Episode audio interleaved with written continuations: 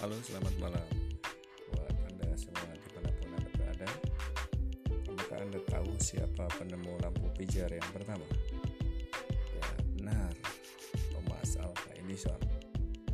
Thomas Alva Edison memberikan kontribusi besar bagi dunia atas penemuan lampu pijar. Sebelum menemukan lampu pijar, Thomas Alva Edison ternyata sudah menemukan generator listrik, perekam suara maupun film.